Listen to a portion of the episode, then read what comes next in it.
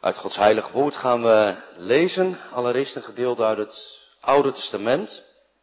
Leviticus 16, dan lezen we vers 7 tot en met 10 en vers 20 tot en met 22.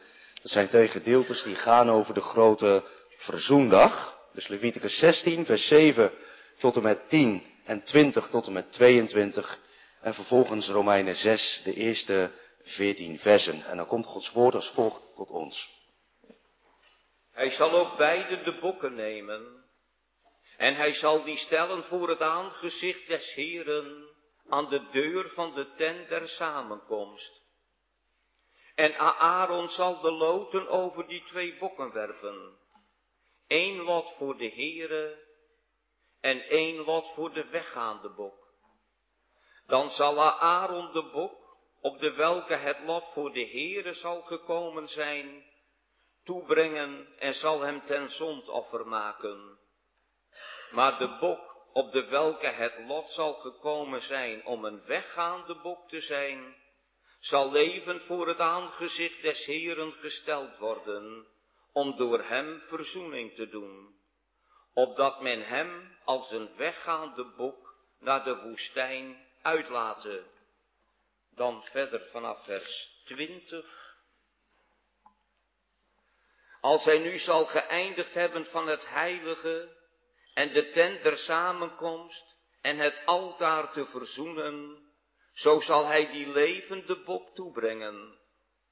En Aaron zal beide zijn handen op het hoofd van de levende bok leggen en zal daarop al de ongerechtigheden der kinderen Israëls en al hun overtredingen naar al hun zonden beleiden. En hij zal die op het hoofd van de bok leggen en zal hem door de hand van een man die voorhanden is naar de woestijn uitlaten. Alzo zal die bok op zich al hun ongerechtigheden in een afgezonderd land wegdragen. En hij zal die bok in de woestijn uitlaten. Gaan we nu verder met Romeinen 6. Romeinen 6 vanaf vers 1. Wat zullen wij dan zeggen? Zullen wij in de zonde blijven, opdat de genade te meerder worden? Dat zij verre. Wij, die der zonde gestorven zijn, hoe zullen, hoe zullen wij nog in dezelfde leven?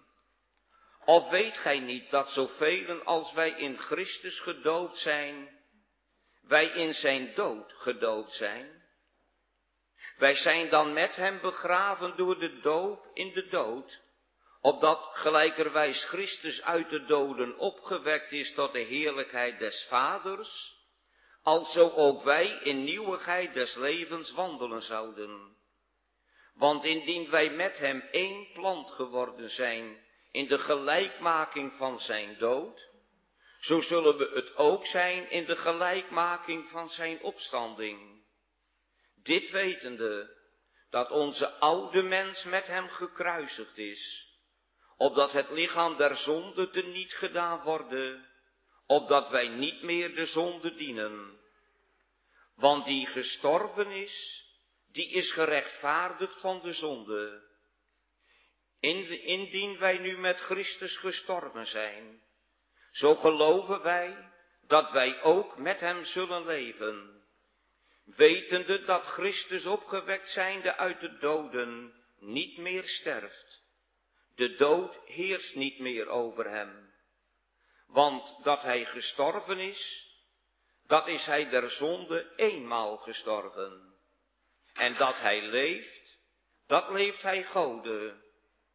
Alzo ook gij lieden, houd het daarvoor dat gij wel der zonde dood zijt maar Gode levend zijt in Christus Jezus onze Heere. Dat dan de zonde niet heersen in uw sterfelijk lichaam, om haar te gehoorzamen in de begeerlijkheden deszelfde lichaams. En stel uw leden niet der zonde tot wapenen der ongerechtigheid, maar stel uzelven Gode als uit de doden levend geworden zijnde, en stel uw leden Gode tot wapenen der gerechtigheid. Want de zonde zal over u niet heersen, want gij zijt niet onder de wet, maar onder de genade.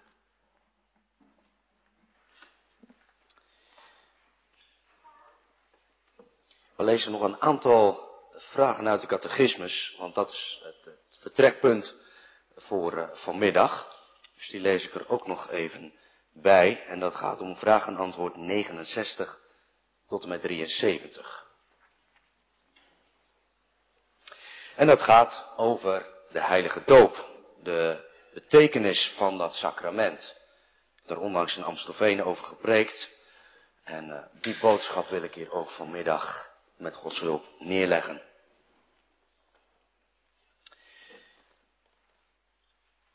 Hoe wordt u in de heilige doop vermaand en verzekerd dat het enige offer van Christus aan het kruis geschiet, u ten goede komt? Alzo, dat Christus dit uitwendige, dit uiterlijke waterbad ingezet en daarbij toegezegd heeft dat ik zo zeker met zijn bloed en geest van de onreinheid van mijn ziel, dat is van al mijn zonden gewassen ben, als ik uitwendig, uiterlijk met het water, dat de onzuiverheid van het lichaam pleegt weg te nemen, gewassen ben. Wat betekent dat, met het bloed en de geest van Christus gewassen te zijn? Het is vergeving van zonden, van God uit genade te hebben, om het bloed van Christus wil. Het welk hij in zijn offer aan het kruis voor ons heeft uitgestort. En ook door de Heilige Geest vernieuwd en tot lidmaten van Christus geheiligd te zijn, opdat wij hoe langer hoe meer aan de zonde zouden afsterven en in een godzalig, onstraffelijk leven wandelen. Waar heeft Christus ons toegezegd dat Hij ons zo zeker met zijn bloed en geest wil wassen als wij met het doopwater gewassen worden? In de inzetting van de doop, die al zo luidt, ga dan heen, onderwijs al de volken en dopend in de naam van de Vader en van de Zoon en van de Heilige Geest. En die geloofd zal hebben en gedoopt zal zijn, zal zalig worden. Maar die niet zal geloofd hebben, zal verdoemd worden. Deze belofte wordt ook herhaald waar de schrift de doop het bad van de wedergeboorte en de afwassing van de zonde noemt. Waarom noemt dan de Heilige Geest de doop het bad van de wedergeboorte en de afwassing van de zonden? Antwoord, Is dan het uiterlijke waterbad de afwassing van de zonde zelf? Ik zat al een beetje te stoeien van volgens mij gaat er hier iets niet goed. Dat klopt ook, ik deed iets niet goed. Nee, want alleen het bloed van Jezus Christus en de Heilige Geest reinigt ons van alle zonden. Waarom noemt dan de Heilige Geest de doop het bad van de wedergeboorte en de afwassing van de zonden? God spreekt al zo niet zonder grote oorzaken. Hij doet dat met een belangrijke reden. Namelijk niet alleen om ons daarmee te leren dat, zoals de onzuiverheid van het lichaam door het water, zo ook onze zonden door het bloed en de geest van Jezus Christus weggenomen worden, maar veel meer ook, omdat Hij ons door dit goddelijk pand en waarteken wil verzekeren, dat wij zo waarachtig van onze zonde geestelijk gewassen zijn, als wij uiterlijk met het water gewassen worden. Tot zover de catechismus en straks in de verkondiging daarover meer. Gemeente, onderwijs vanmiddag vanuit Gods woord naar aanleiding van de catechismus. Drie dingen waar we op willen letten. Het eerste, de verzekerende functie van de doop. Jongens en meisjes, heel in het kort, de doop die onderstreept iets. De doop zet een streep onder het woord van God. Het tweede waar we op letten is waarvan de doop verzekert. Dan gaan we dat wat, wat uitdiepen. En tot slot wil ik een aantal dingen zeggen die voor de praktijk van het geloofsleven, voor de praktijk van de opvoeding van belang zijn. Dus de verzekerende functie van de doop, dat het een streep zet. Ten tweede waaronder het een streep zet. En ten derde de doop in de praktijk. De catechismus is niet zomaar een verzameling vragen en antwoorden die in een bepaalde willekeurige volgorde zouden staan. Nee, er zit heel duidelijk een bepaalde volgorde, een bepaalde lijn in. En bij zondag 23 gaat heel duidelijk een wissel om.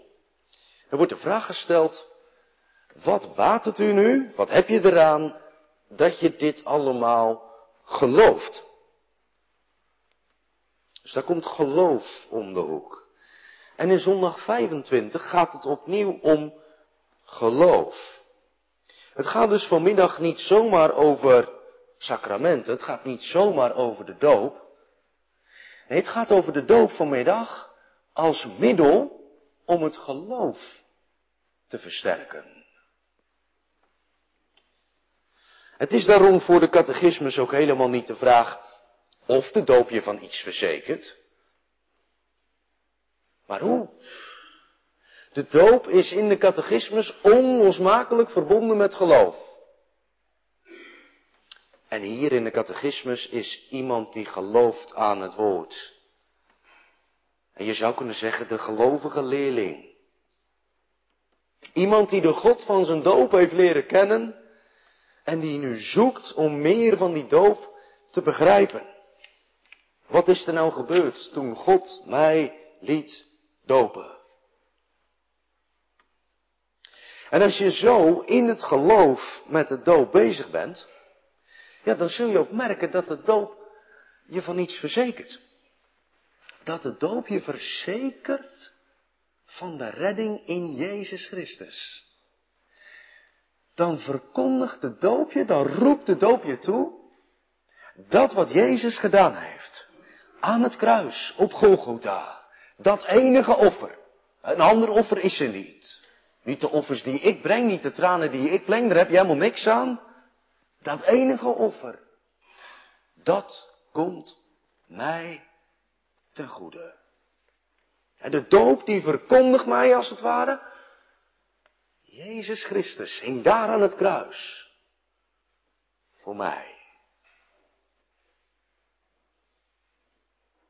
Of eigenlijk, eigenlijk moet ik het andersom zeggen vanmiddag.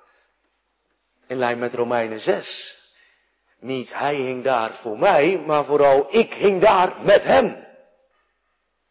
En ik ben opgestaan met hem.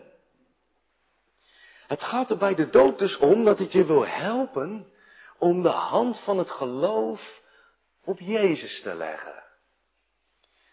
En we hebben vanmiddag een gedeelte uit de Bijbel gelezen, wat daar eigenlijk ook over gaat. Over de grote verzondag. Je dacht misschien wel, waarom lezen we dat nou vanmiddag? Nou, we hebben gelezen hè, van van die weggaande bok. Nou, trouwens, laat ik het eerst maar een klein beetje toelichten. De grote verzoendag, die was er, er was een dag, eenmaal in het jaar, voor alle Israëlieten. Dan kwamen ze samen en dan ging de hoge priester met bloed van een dier naar binnen in de tabernakel en later in de tempel. En dan deed hij daar verzoening. En vervolgens, dan werd er één bok, die was apart gehouden. En dan legde de hoge priester zijn hand zo op die bok. En dat betekende dan, dat was het beeld, de symboliek, dat al de zonden van heel het volk op die bok werden gelegd. En die bok die werd vervolgens weggestuurd. De woestijn in. En zo werd voor iedere Israëliet zichtbaar, want je kon het allemaal zien natuurlijk, dat zoals die bok wegging, dat zo je zonden werden weg gedragen door een dier. Door een offerdier. En dat, dat symbool, dat ritueel, dat ondersteunde het geloof. dat, dat, dat onderstreepte, zeg maar, de belofte van God dat je zonden vergeven waren. Nou, zo wil de doop ook dat onderstrepen. De doop is niet zelf de vergeving van de zonde. En je kunt dus niet zeggen, ik ben gedoopt, dus ik ben gered. Nee, in de Bijbel en in de Bijbelse inzettingen, in de sacramenten, wordt altijd verwezen naar iets anders. Zoals op Grote Verzoendag werd verwezen naar die bok. zo zo verwijst die boek ook zelf weer naar het lam. Het lam, Jezus Christus, dat eens de zonde zou dragen. Zie het lam van God dat de zonde van de wereld wegneemt. Dat is eigenlijk wat de doop ook doet. Het preekt het lam.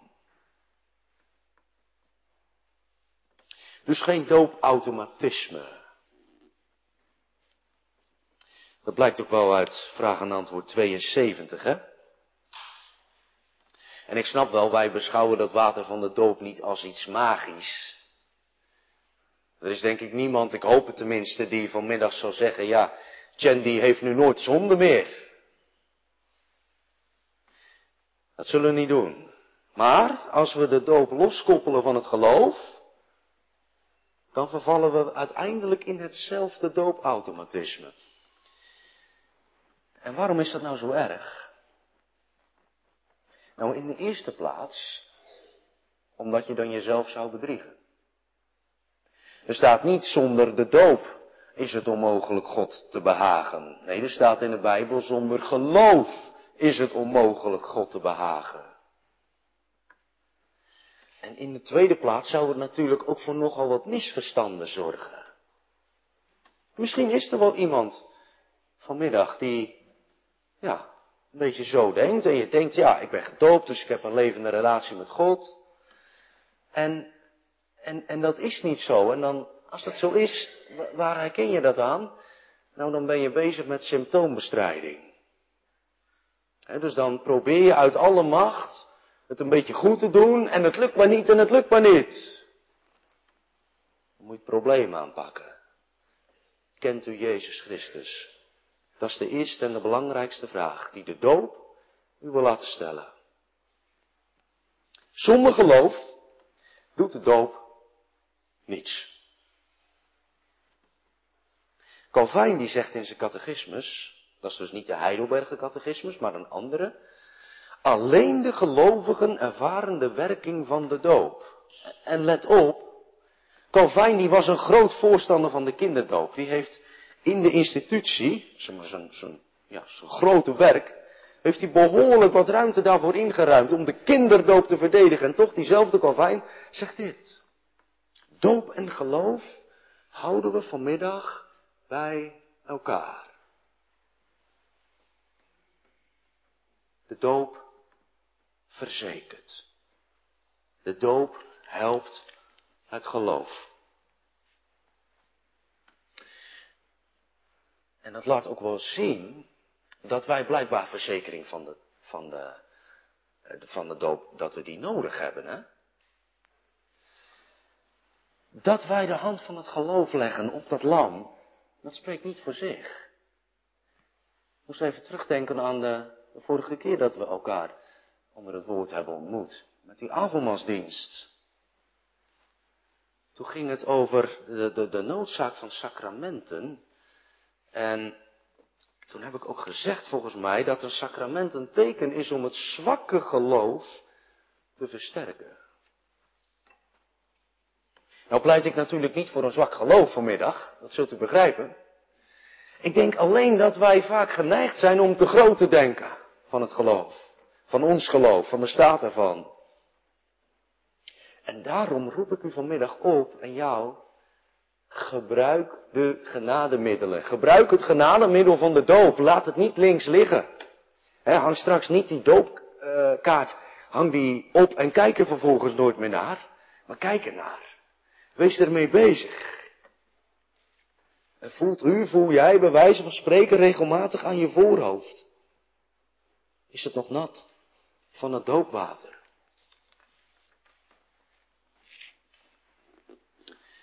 Ga naar het tweede aandachtspunt. Waarvan de doop verzekert. We letten dan vooral op vraag en antwoord 70. We hebben gezien net, die doop die vindt plaats met water. We hadden het er even over in de consistorie. Waarmee wordt er gedoopt? Nou niet met cola of limonade, nee met water. Waarom? Nou ja, water dat verwijst naar dat waterbad, hè? Als je vies bent, dan heb je water nodig om gewassen te worden. Nou, als je een, een hele dag hebt gespeeld in de zandbak of in de modder, dan ga je s'avonds voordat je gaat slapen, dan ga je even onder de douche of in bad. En dat water van de doop, dat wijst dus naar een geestelijke reiniging. Je hebt geestelijk gezien ook een bad nodig. Of een douche. En de doop is dus ook best wel schokkend. Je, je, hoort nog wel eens als je je oor te luisteren legt dat de doop gevierd wordt. Nou, kijk, tot op zekere hoogte is dat helemaal terecht natuurlijk. Het is niet niks wat er gebeurt met de doop. En dat mag ook gevierd worden. Want er zit ook een andere kant aan. Ik moet denken aan die hofprediker, ooit, toen prinses Juliana werd gedoopt. Ik denk dat hij de mensen in de kerk een beetje wakker wilde krijgen, want hij zei, nu gaan we straks Juliaantje begraven. Nou, iedereen wakker natuurlijk, hè? We komen hier toch voor een doopdienst? Ja.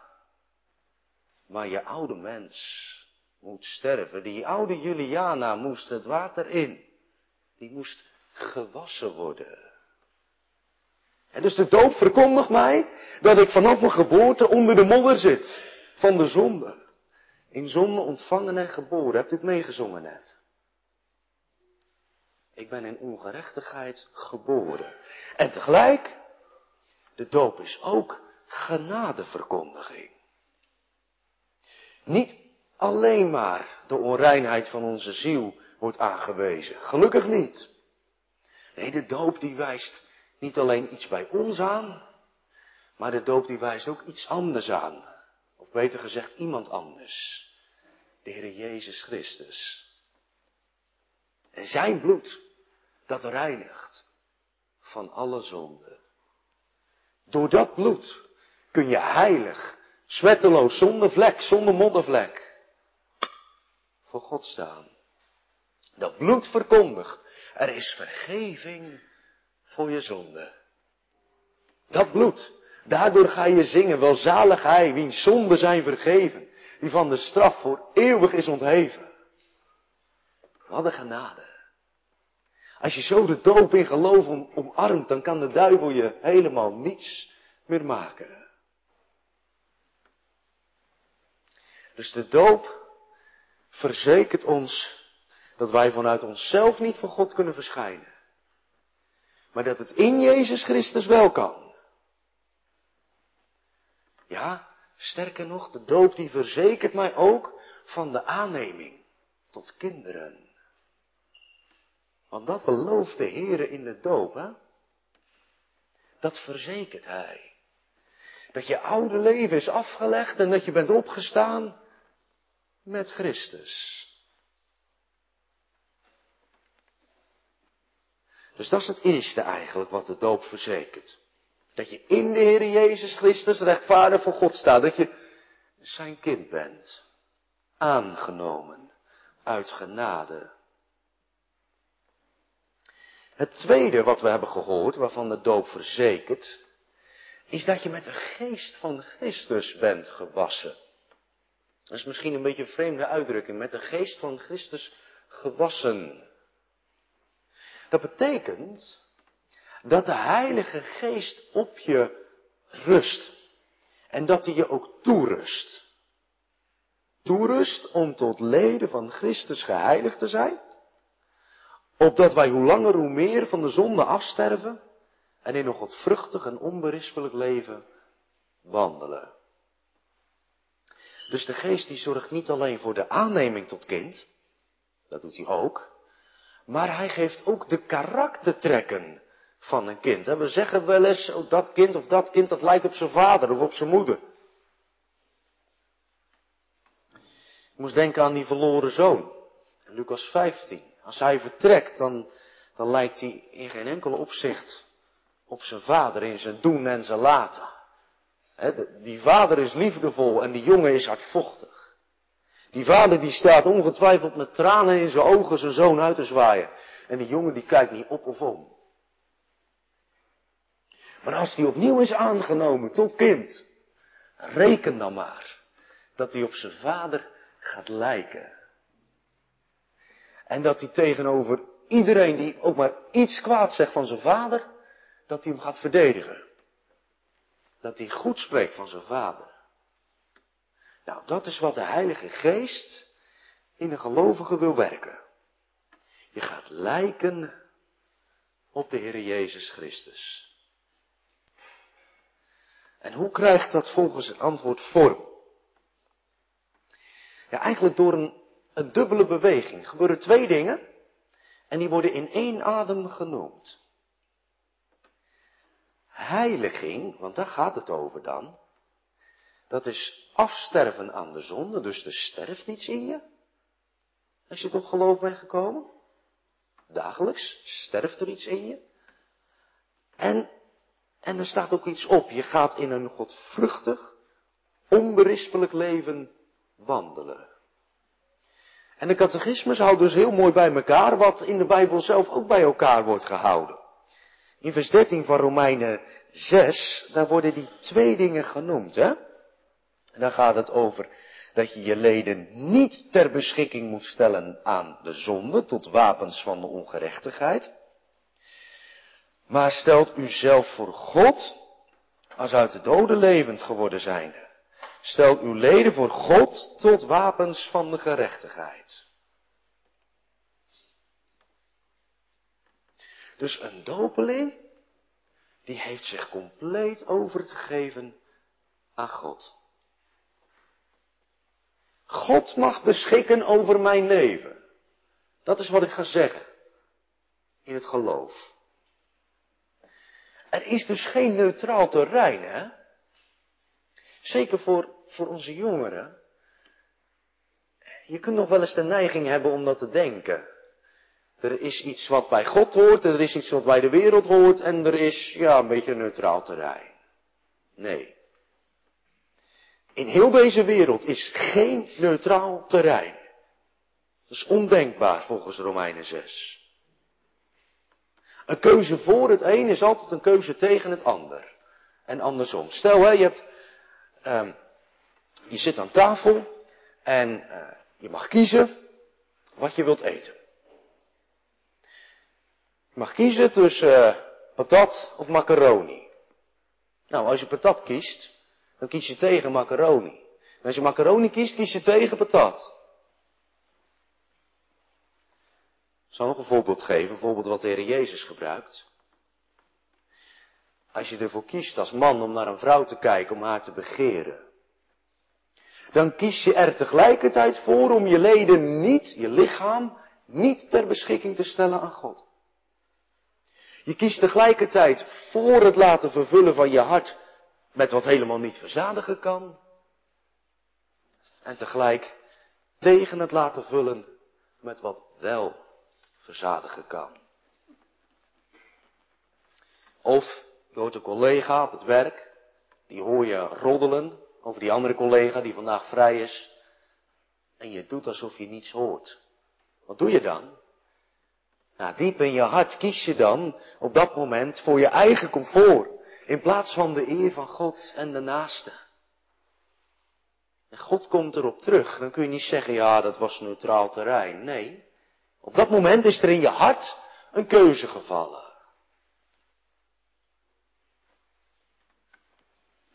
Gaf ik niet heel mijn leven over aan God. De doop legt dus ook een claim op je leven. Heel je leven toegewijd aan Hem. Zondag, maandag, dinsdag, woensdag, donderdag, vrijdag, zaterdag. 24 uur per dag, 7 dagen per week. Vroeger hadden ze het wel eens over een zondagsgeloof. Dat bestaat niet. Ja, het kan bij u bestaan, maar niet bij God.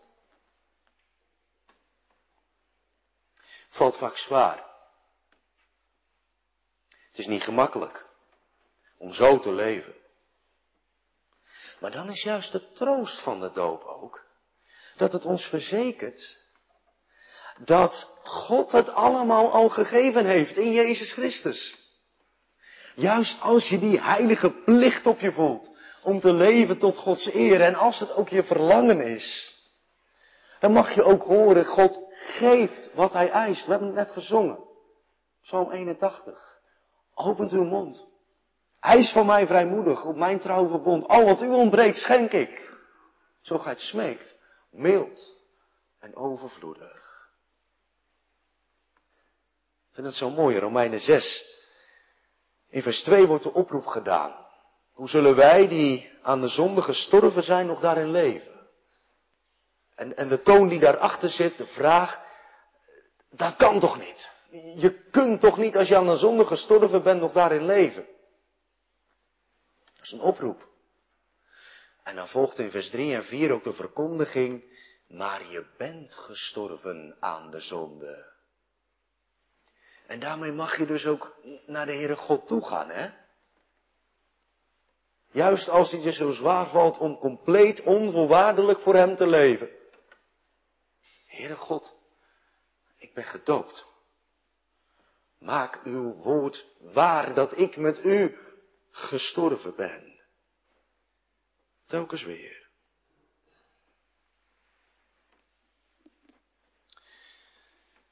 We gaan richting de praktijk.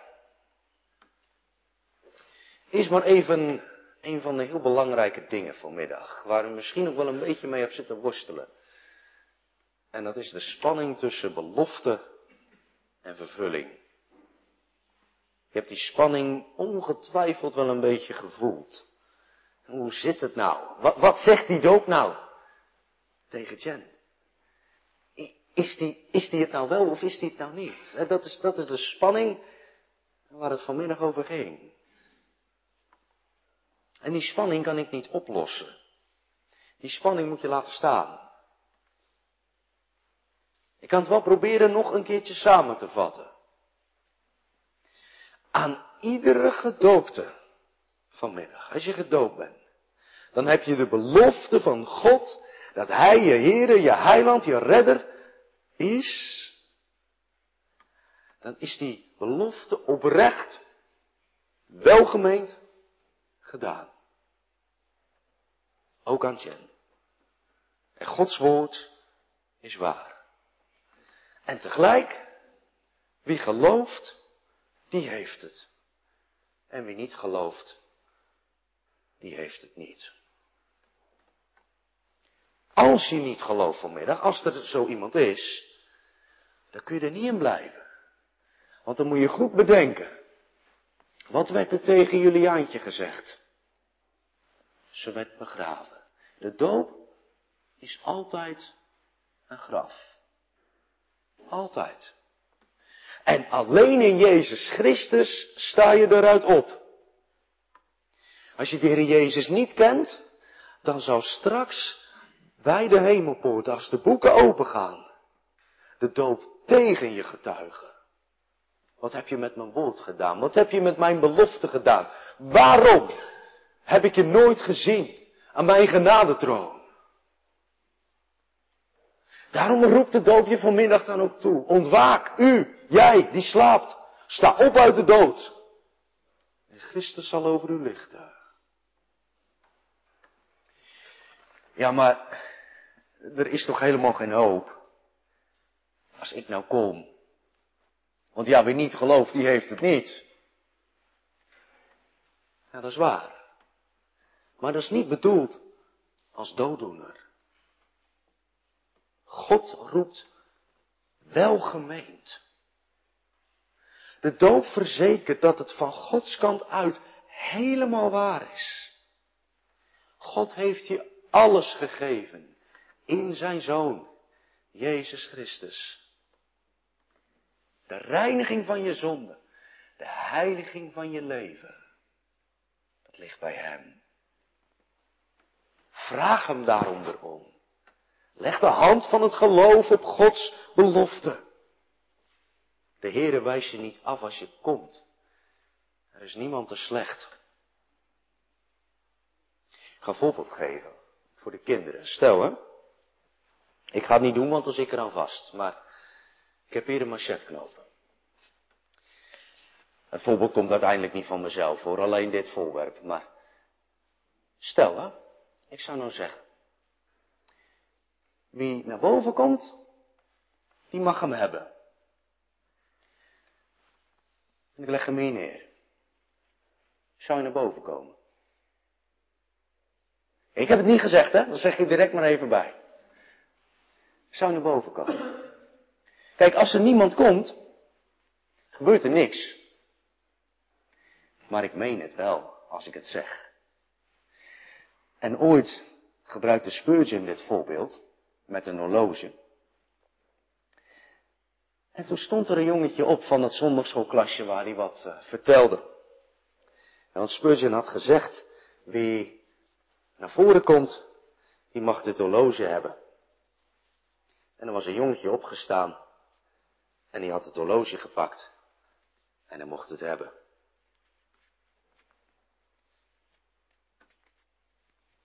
Nou.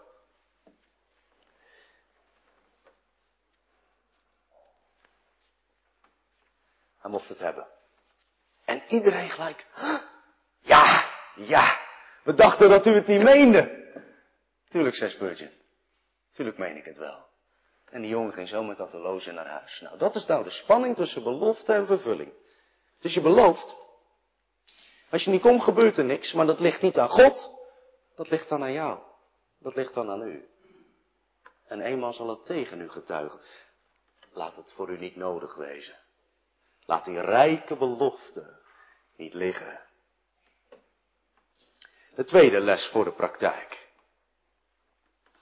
Als nou de doop gegeven is hè, om, om iets te verzekeren, om iets te onderstrepen, dan is de doop ook een machtig wapen in tijden van aanvechting. Als de duivel op je afkomt.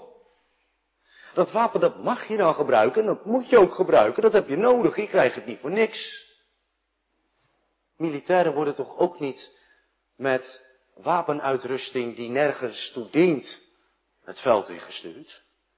Als ze een geweer mee krijgen, ja, dan is het de bedoeling dat ze daar een keer mee gaan schieten.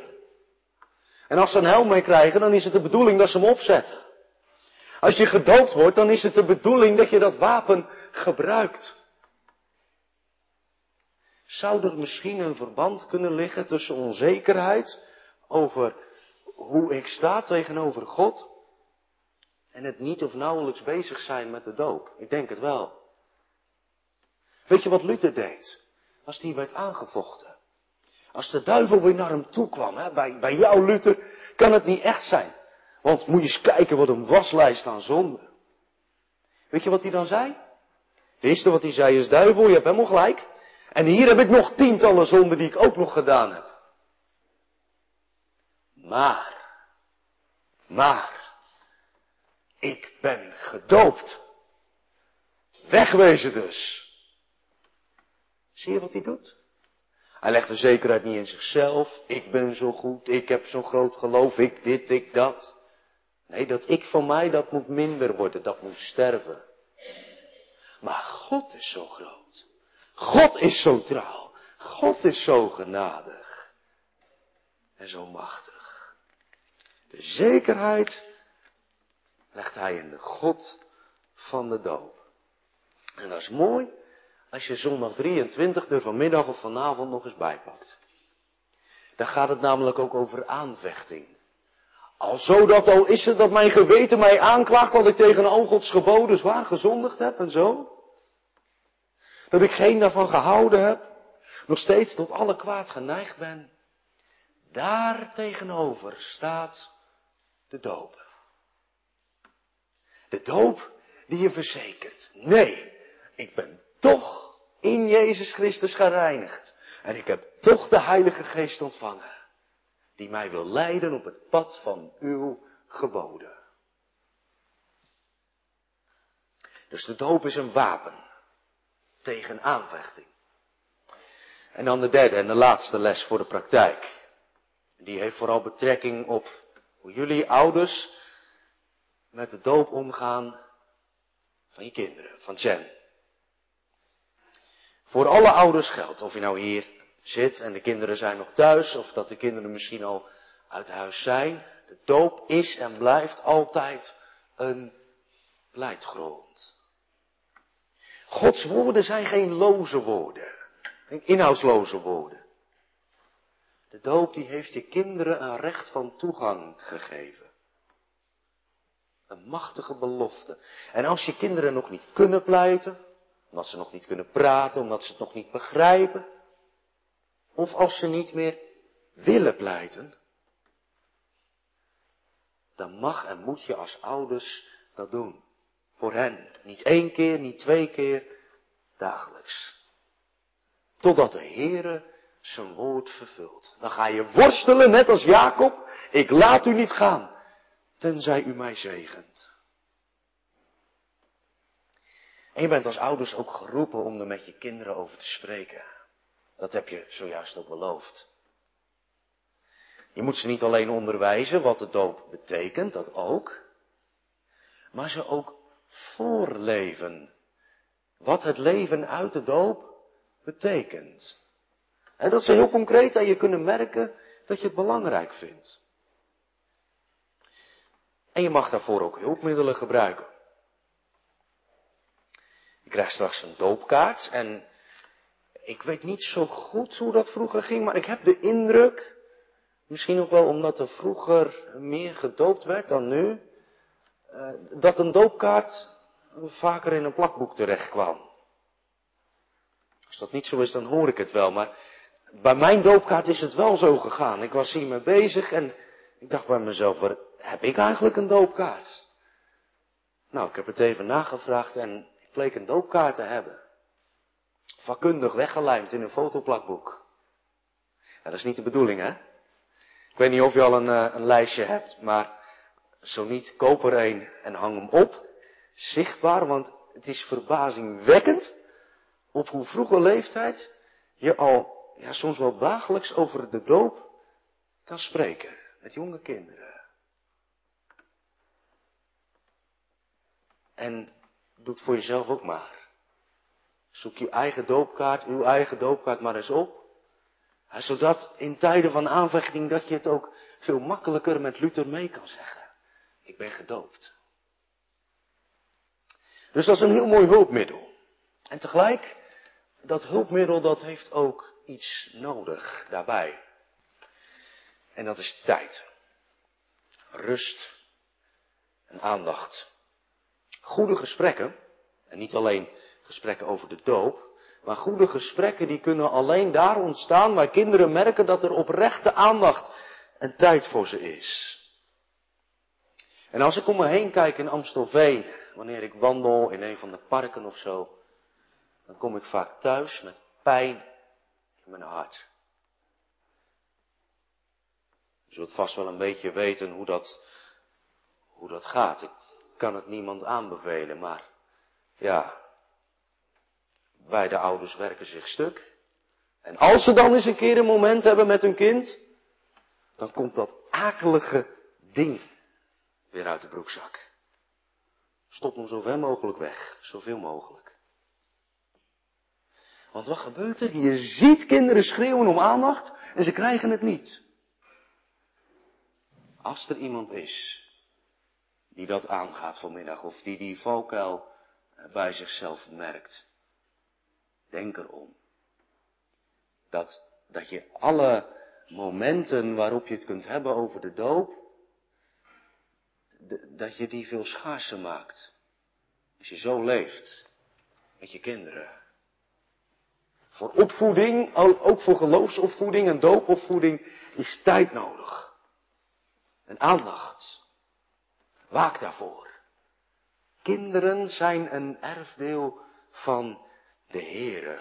Dat geldt ook voor jullie kinderen. Je hebt ze van Hem gekregen. Hij heeft ze op jullie pad geplaatst op een bijzondere wijze. Zie ze zo. Gemeente tot slot. De doop die laat ons zien wat nou werkelijk nodig is. Dat u, jij en ik weer bij onze schepper komen. Van wie we vervreemd zijn van nature.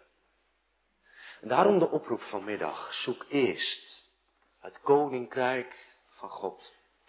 En dan geeft de doopje vanmiddag een toegangskaartje, een bewijs dat je dat koninkrijk van God ook binnen mag gaan. De doper verzekert het zwakke geloof dat wat God zegt in zijn woord, dat het echt waar is. Wat een genade. Amen.